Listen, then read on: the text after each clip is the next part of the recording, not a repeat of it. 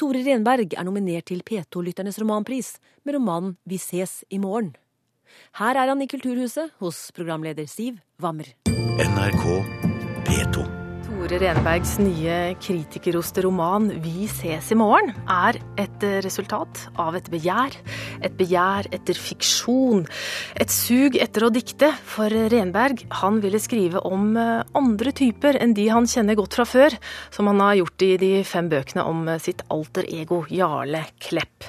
Så dette er rett og slett en helt ny fase i ditt forfatterskap, eh, Tore Renberg. Hvordan føles det? Ja, Nei, eh, akkurat det føles bare befriende. Ja. Eh, vært så utrolig lenge i ja, det samme rommet, på en måte. Så da er det jo eh, Eller det samme landet, kan du si. Så da er det jo enormt deilig å, å skifte.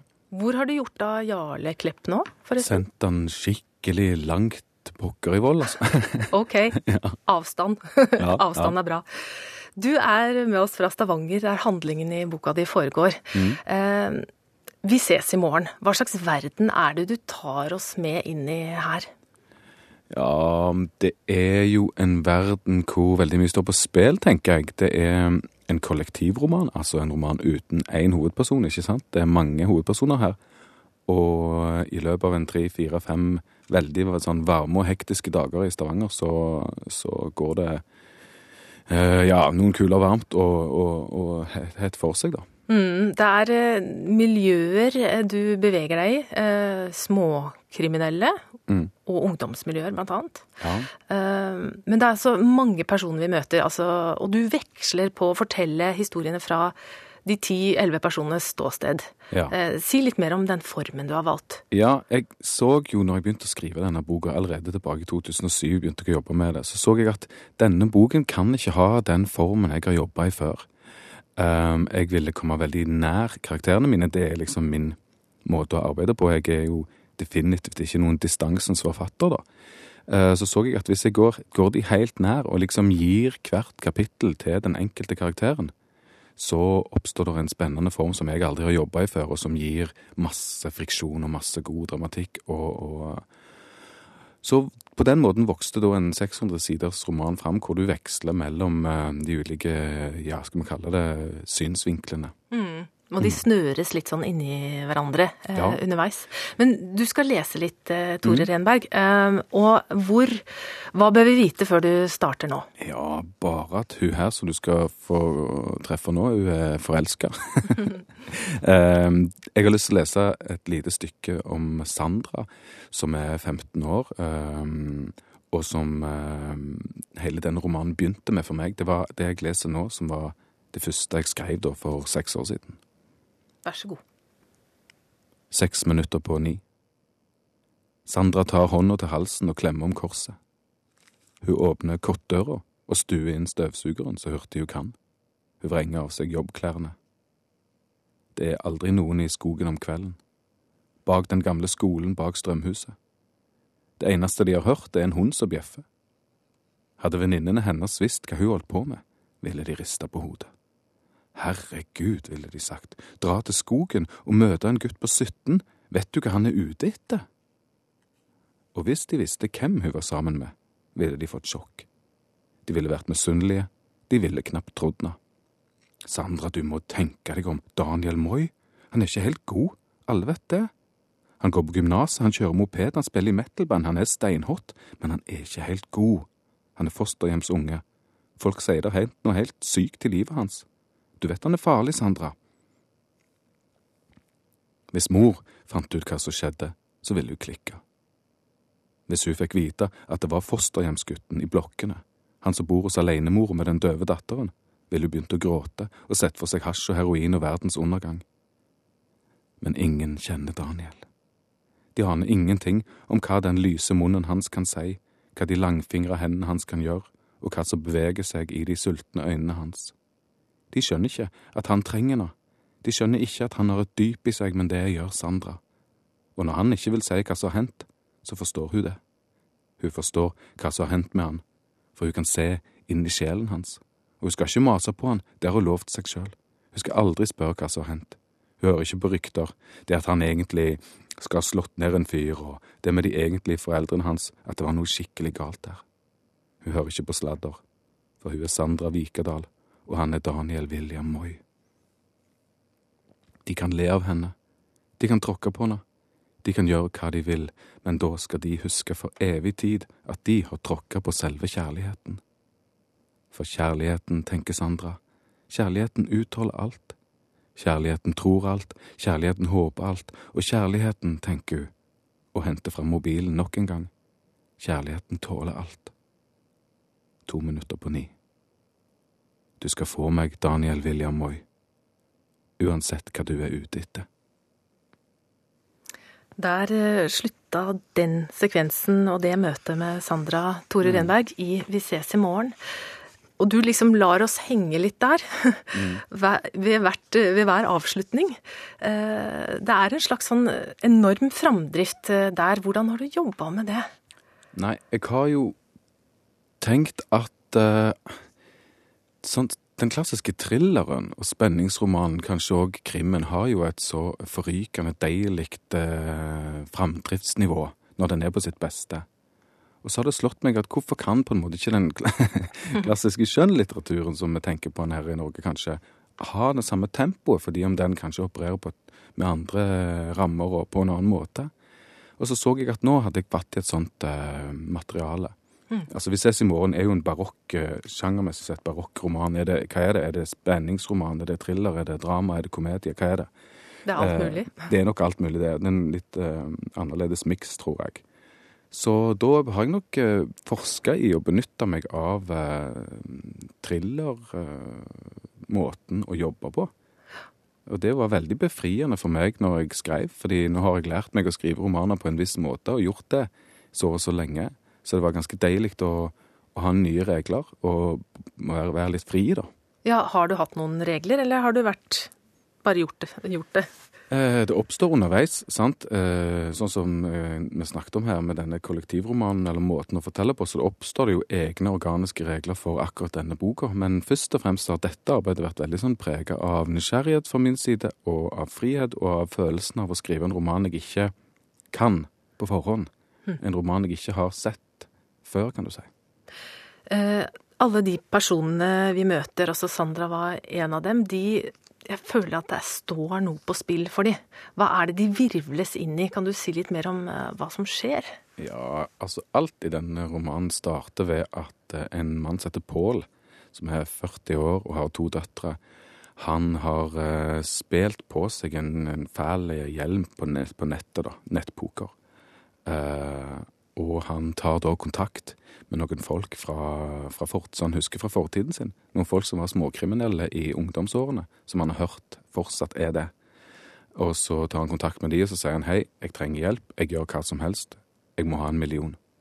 Det er det liksom enkle setupet her, som jeg skrev, eh, og som danna seg i meg mens eh, den der Båsland-saken sto på i, eh, i mediene, hvis du husker den. Mm, Han nei. biskopssønnen fra min egen by som uh, Ja. rota vekk 60-70 millioner på, på nettet, da. Og dette er et helt nytt, en ny verden for deg, egentlig, å gå Ja. inn i den underverden, kanskje? Ja, så til de grader. Så der møtes jo den klassiske norske middelklassen, som jeg uh, kan mye om, og som jeg jo kommer fra og har skrevet om før. Der møter den uh, en sånn en eh, småkriminell eh, underverden eller skyggeside av eh, vårt samfunn og av Stavanger, som er byen jeg bor i, da. Men du, eh, du lar oss også bli kjent med denne Sandra, eh, 15 år, som er forelska. Eh, skal du lese litt mer eh, hennes historie? Er det det du, neste du har plukka Ja, ut? jeg, eh, jeg er, av en eller annen grunn så skriver jeg alltid om ungdommer. Det har blitt ei greie. Jeg vet ikke hva det er. Jeg skriver jo ikke ungdomsromaner. Jeg tenker jo så definitivt ikke på meg sjøl som en ungdomsromanforfatter, men det blir til at jeg skriver om dem fordi jeg syns de er så vakre og skjøre og desperate og fine, da. Så nå skal du få høre litt mer om når Sandra, som i det forrige utsnittet gikk der og venta på gutten sin, nå når de møtes, da. Nå er det alvor. Sandra løper over fotballbanen, og Sandra har bestemt seg. Hun skal legge seg ned, hun skal være modig. Hun hikster når hun får øye på han ved strømhuset. Et trykk letter fra brystet, han har ikke gått. Hun øker farten. Løper så fort hun kan og kaster seg i armene hans. Daniel, hikster hun. Hei, jeg har savna deg sånn, jeg trodde du hadde gått, jeg trodde ikke, jeg trodde… Hei. Han tar ansiktet hennes i sine, i hendene sine. Hei, du jenta. Han løfter hagen hennes med to fingre. Du Han ser henne inn i øynene. Ei, du, sier han og holder blikket hennes fast. Hva, tror du Daniel går fra deg, hæ? Tror du ikke Daniel venter til fredag, til neste måned, ja, til det faen begynner å snø, hvis det er deg han venter på? Hun snufser og kjenner tårene trille over kinnene. Et ha slipper ut fra munnen hennes, og Sandra strekker seg på tå, lukker øynene og kysser han lenge. Ja, du smaker salt, sier han og ler. Det er tårer. Sandra snufser. Det gledestårer. Ja, de smaker ekstra godt, de, sier han. Og så begynner de å gå innover i skogen mens de holder om hverandre.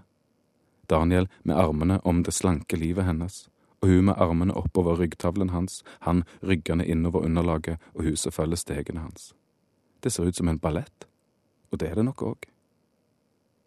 Sandra løsner knappen i toppen. De stavrer innover i skogen, de puster tungt. Hendene hans stryker over rumpa hennes, hun knepper opp den siste knappen. De kysser hverandre, og de hvisker her. Nei, ikke her, det er for åpent. Lenger inn, ja, lenger inn. Og så stanser de. Sandra er naken på overkroppen. Han gisper foran henne. Han legger hendene på brysten hennes og sukker. Vil du dette? sier Daniel. Ja, hvisker hun og lukker øynene. Ja, det er dette jeg vil. Vil du dette hver dag resten av livet? Ja, sier hun. De synker ned på bakken. Uansett hvem jeg er? Ja. Uansett hva som har hendt med meg? Ja, jeg vil dette hver dag resten av livet. Kult, sier Daniel. Det er faen så utrolig kult av deg. Ja, der henger vi spenningen igjen, Tore Renberg. Du, eh, du har sagt at denne boka er et resultat av et slags begjær etter fiksjon. Hvor kommer dette begjæret fra? Altså, Først må jeg si at det er jo det fundamentale begjæret som gjorde at jeg eh, begynte å skrive, og en gang òg begynte å lese. Altså 14 år, forelska i Alexander Kielland, i Dostojevskij, i Dickens, i Roy Jacobsen, Seierherrene, i Beatles av Lars Saabye Christensen, i Hvite nigger av Ambjørnsen osv. Det er liksom, herregud, det er derfor jeg er her. Det er derfor jeg har lagt alt annet til side og valgt å bli forfatter og leser. Jeg er jo ikke bare forfatter, jeg er jo liksom en, en veldig, veldig hungrig leser òg. Og så har jeg jo holdt på med han der Jarle Klepp og det selvbiografiske Ja. i så mange år. Og bevares, det var jo fiksjonalisert, jeg pakte det jo inn i fiksjon, men på et eller annet tidspunkt der så tenkte jeg fader òg, altså, skal jeg aldri få lov å være helt fri? Skal jeg ikke få lov å køle på og trø gasspedalen på kl- Flåklypa Grand Prix-vis rett gjennom dørken, sant? Og så få vist hele bredden av dette fantastiske og triste og nydelige og tragiske livet vårt. Jeg følte liksom at det var noe hemmende, forstår du? Ja, altså, Men hva har han hindret deg å skrive om han derre Jarle Klepp, da? Han har skapt masse, og samtidig har han hindra noe. Det er sånn, For å bruke en superenkel metafor, hvis du oppholder deg i ett rom, så kan du ikke være i det andre samtidig. Eh, og det har vært litt sånn at eh, jeg kunne jo ikke bare når som helst innføre en hvilken som helst karakter i det universet, fordi det har vært betinget av rammene for mitt eget liv. Jeg kunne ikke bare la en eller annen eh, verken eh, fordrukken sjømann eller eh, småkriminell fyr fra Hillevåg valse inn der, fordi det ville ikke kunne bli organisk innenfor de rammene. Så da følte jeg at eh, det har blitt litt trangt, da. Ikke, og dette har ikke noe med kvalitet å gjøre, for de bøkene kan være så gode eller eventuelt dårlige hvis folk syns det, som de bare vil. Men de kan ikke være alt. eh, og jeg er maksimalistisk forfatter. Jeg er sånn anlagt. Så det ble litt sånn, ja, pusta litt, eh, pusten ble litt sånn tung. Ja, Men du, når jeg sitter her med boka di, en tjukk, tung bok, eh, så vet jeg at du har jobba med den lenge. Du har gjort mye research. Ja, Hva, hvorfor har det vært viktig? Ja, altså, jeg, eh, jeg klarer ikke å mm, tro på meg sjøl og arbeidet mitt og karakterene mine hvis jeg ikke eh, føler at det er, har rot i noe ekte. Det er sånn jeg funker.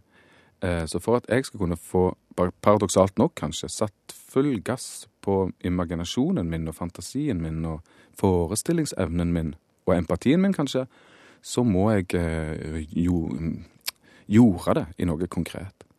Så hvis jeg skriver om, la oss si, en, en fyr som sitter inne på, eh, på dom på et norsk fengsel, da, så sitter jeg og skriver om han. Og så kjenner jeg at nå tuller du og tøyser du, Tore. Det her er, Du aner ingenting om dette her. Du vet ikke hvordan det lukter. Du vet ikke hva rutinene er her. Det er bare tøys og vas. Og så for at jeg skal kunne ha, ja, som jeg sa, fart på forestillingsevnen min, så må jeg ut dit og se på det. Og det gjelder jo da Herregud, det gjelder alle tingene. Skal jeg skrive om Sandra, 15 år, i dag? Da må jeg snakke med dagens 15-åringer og høre hvordan de snakker, osv. Så, videre. så jeg har tatt det alvoret, nei, jeg har tatt det, det arbeidet på, på sånn sterkt alvor da, de siste åra, og brukt mye tid, for jeg hadde så lyst at det skulle lukte skikkelig sånn autentisk av, eh, av dette verket. Hva er det du har oppdaga med deg selv som forfatter, da, Tore Renberg, når du har gått inn i dette nye rommet? Ja, Godt spørsmål. Uh, vet du hva? Jeg, det har vært litt vet, Ja, hvordan skal jeg si det her? Uh, dere skrev 'Kompani Orheim', for eksempel, som jeg er skikkelig stolt av, det har ikke noe med det å gjøre, så tenkte jeg kanskje at det her er meg på mitt beste. Nå er jeg litt usikker på det. Jeg lurer på om eh, Jeg går litt og lurer litt på om jeg ble en bedre forfatter når jeg slutta å skrive um, ikke om meg sjøl, men ut fra meg sjøl, da. Så jeg går og lurer litt på det nå. Ja, det høres jo bra ut, det. Ja, det er i hvert fall en sånn løfterige tanke, da. Ja. Du, eh, før du skal avslutte med å lese litt mer, så, så tenker jeg på en ting. Når jeg ser på, på fronten på boka di, altså 'Vi ses i morgen', den har en slags sånn forsiktig optimisme i seg, syns jeg. Men det er bilde av en, et skytevåpen der òg. Et skytevåpen. Nå var du grei. Ja. Det der, er et ulovlig våpen, kjære deg. Ja. Det er avsagt Nei, det er pumpehagle, unnskyld. Rett og slett, ja. Ja, og et Spar S der. eh, Jo, eh, vi ses i morgen. Eh, Det var deilig når jeg fant den tittelen, fordi det er jo en, en av Norges mest sakte setninger, kanskje en av verdens mest sakte setninger, sant? Og har, som du sier, noe veldig sånn håpfullt over seg. Venner, kjærester, sønner, døtre og foreldre sier det til hverandre hver dag. Ses i morgen. Sant? Men så plutselig så slo det ned i meg at å herregud, for en farlig setning det er. For den innebærer jo at du ikke gjør det. ja. Og så når, du liksom, når den da synker litt inn, så er det jo helt kritisk. Vi ses ikke i morgen. Ja. Ses kanskje i morgen. Håper vi ses i morgen. Og så ble det et slags emblem eller bilde på alle sammen i denne boka, som eh, vi har vært inne på, da, som lever litt heftig i disse dagene. Ting står mye på spill. Det nærmer seg døden og det ene med det andre. Du- Så jeg syns det var fint å ha sånn kontrasten i tittelen. Ja. Eh, nå skal vi få møte til slutt eh, et par, Rudi og Cecilie. Kort litt om de før du leser litt mer, Tore Renberg. Ja, De er liksom det er litt sånn Lula and Sailor, hvis du husker de fra Wild at Heart, eh, filmen, eh, eller boka til Barry Gifford. De er sånn et erkeromantisk drøyt par. De er kriminelle begge to. Eh, De har vært sammen i 27 år, og han har ADHD, og han syns at hun er super, super, superdeilig. Heftig par. Ja, de er veldig fine, de også. Ok, dette er fra kapittel tre. De er ikke ute og kjører bil her. Hei, Chessie, er du der, baby? Rudi beveger de kaffebrune øynene og kikker i midtspeilet. Hei, Jessie, baby. Ingen svar. Den gamle Volvoen harker ut av rundkjøringen på åsen, og Rudi legger tyngde på gasspedalen. Ja, hvis dette skal være et firma, og denne bilen er en firmabil, så står det dårlig til. Når var det de kjøpte den? 92. Hadde bare kjørt 19 000. Men det er jo med Volvoen så det er med alt annet skrap du har dratt på år ut og år inn. Du blir så jævla glad i det. Heia, Chessie min. Rudi sender et nytt blikk mot midtspeilet. Ha, hun bare sitter der. Vrangere damer skal du leite lenge etter. En liten krangel, faen ikke en krangel engang, og hun går i baklås. Han legger raspestemmen i lyst leie. Hei, Jesse, er du der, eller sitter du bare og drømmer om kuken min og heavyballader? Hun vender hodet og kikker ut vinduet. Ja, nå skal du ha takk. Én vits, og hun kikker ut vinduet. Kjempeplan å ta henne med på jobb. Det er sant det Johnny sier. Jenta ble født på vrangen. Hun kvapp ut av mora i desember 1972, full av pigger. Hun er rett og slett taggete. Fregnete og bleik har hun alltid vært. Kantete og skranten skakk så et rotvelte, men stort og flott hår. Kastanjefarga, det har hun alltid hatt. Og hofter som hyller. Og ei rumpe som får det til å klikke i hodet. Ja, det har hun. Og å leve uten henne. Nei, det er umulig. Jessie Rudi prøver å få stemmen til å høres ut som bomull. Honey Bunch, jeg bare tuller, vet du. Hæ? Skal vi se om det er en konsert på gang? Tror Europe kommer til Folken snart. Han lar henne få tid til å summe seg. Men nei. Blikket henger hissig i luften foran henne. De litt fjernstående øynene, så får han det til å ligne et dyr som lever under jorda, trekker seg enda lenger til hver sin side. Ja, hva med litt medlidenhet, da? Her sitter han, typen din i 27 år. The Baron of Love. Og hun vet at han ikke har sovet i hele natt, hun vet at han har hatt ilske drømmer, men er det noe medlidenhet å få? Et aldri så lite smil? Et lite vennlig ord? Cecilie fortsetter å stirre ut vinduet mens hun tar fram røykpakken. Ja, fantastisk, nå skal hun straffe han. Hun vet så utrolig godt at han ikke kan få dra røyking i Volvoen, og hun vet at han akkurat har slutta, og hun vet hvor steinhardt det er å stå imot. Fantastisk. Rudi ruller demonstrativt ned vinduet. Det spretter opp, og det spretter ned, til humøret. Det er ikke til å holde styr på. Ja, takk. Så der er de. Der er de, ja. og krangler dag ut og dag inn, men de er så ufattelig glad i hverandre. Det virker som du er veldig glad i disse karakterene dine her også, Tore Ja, kan du høre det? ja. Ja, men du, det blir sånn uh, de, blir, de blir utrolig skjønne for meg. Spesielt det her sånn paret her. Som går der på 27 år og å prøve å få det til å henge i hop. Jeg blir, ja, blir rørt av de, rett og slett. ja. Takk skal du ha. Takk. Hør flere podkaster på nrk.no podkast.